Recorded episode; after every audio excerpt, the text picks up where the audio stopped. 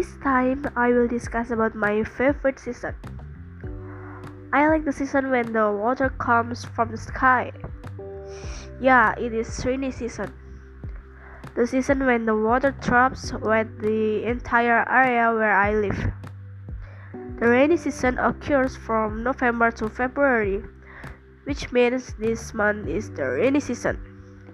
During the rainy season, the weather becomes cold and it is very nice if we sleep in the room.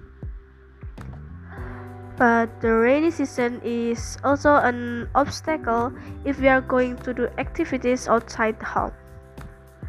During the rainy season, people usually wear umbrellas or coats when they leave the house so they don't get hit by the rain when walking or riding a motorbike but usually people prefer to do activities at home rather than going out in the rain.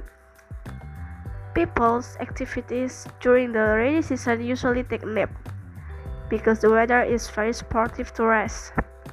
I like the rainy season too for that reason. I can take a relaxing nap on the weekend or enjoy a cup of tea while watching the rain on the terrace. It feels good to relax yeah, that's all for this podcast. See you next time.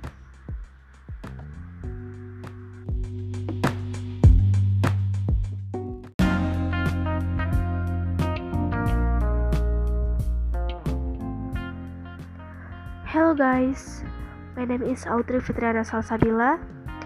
Welcome back to my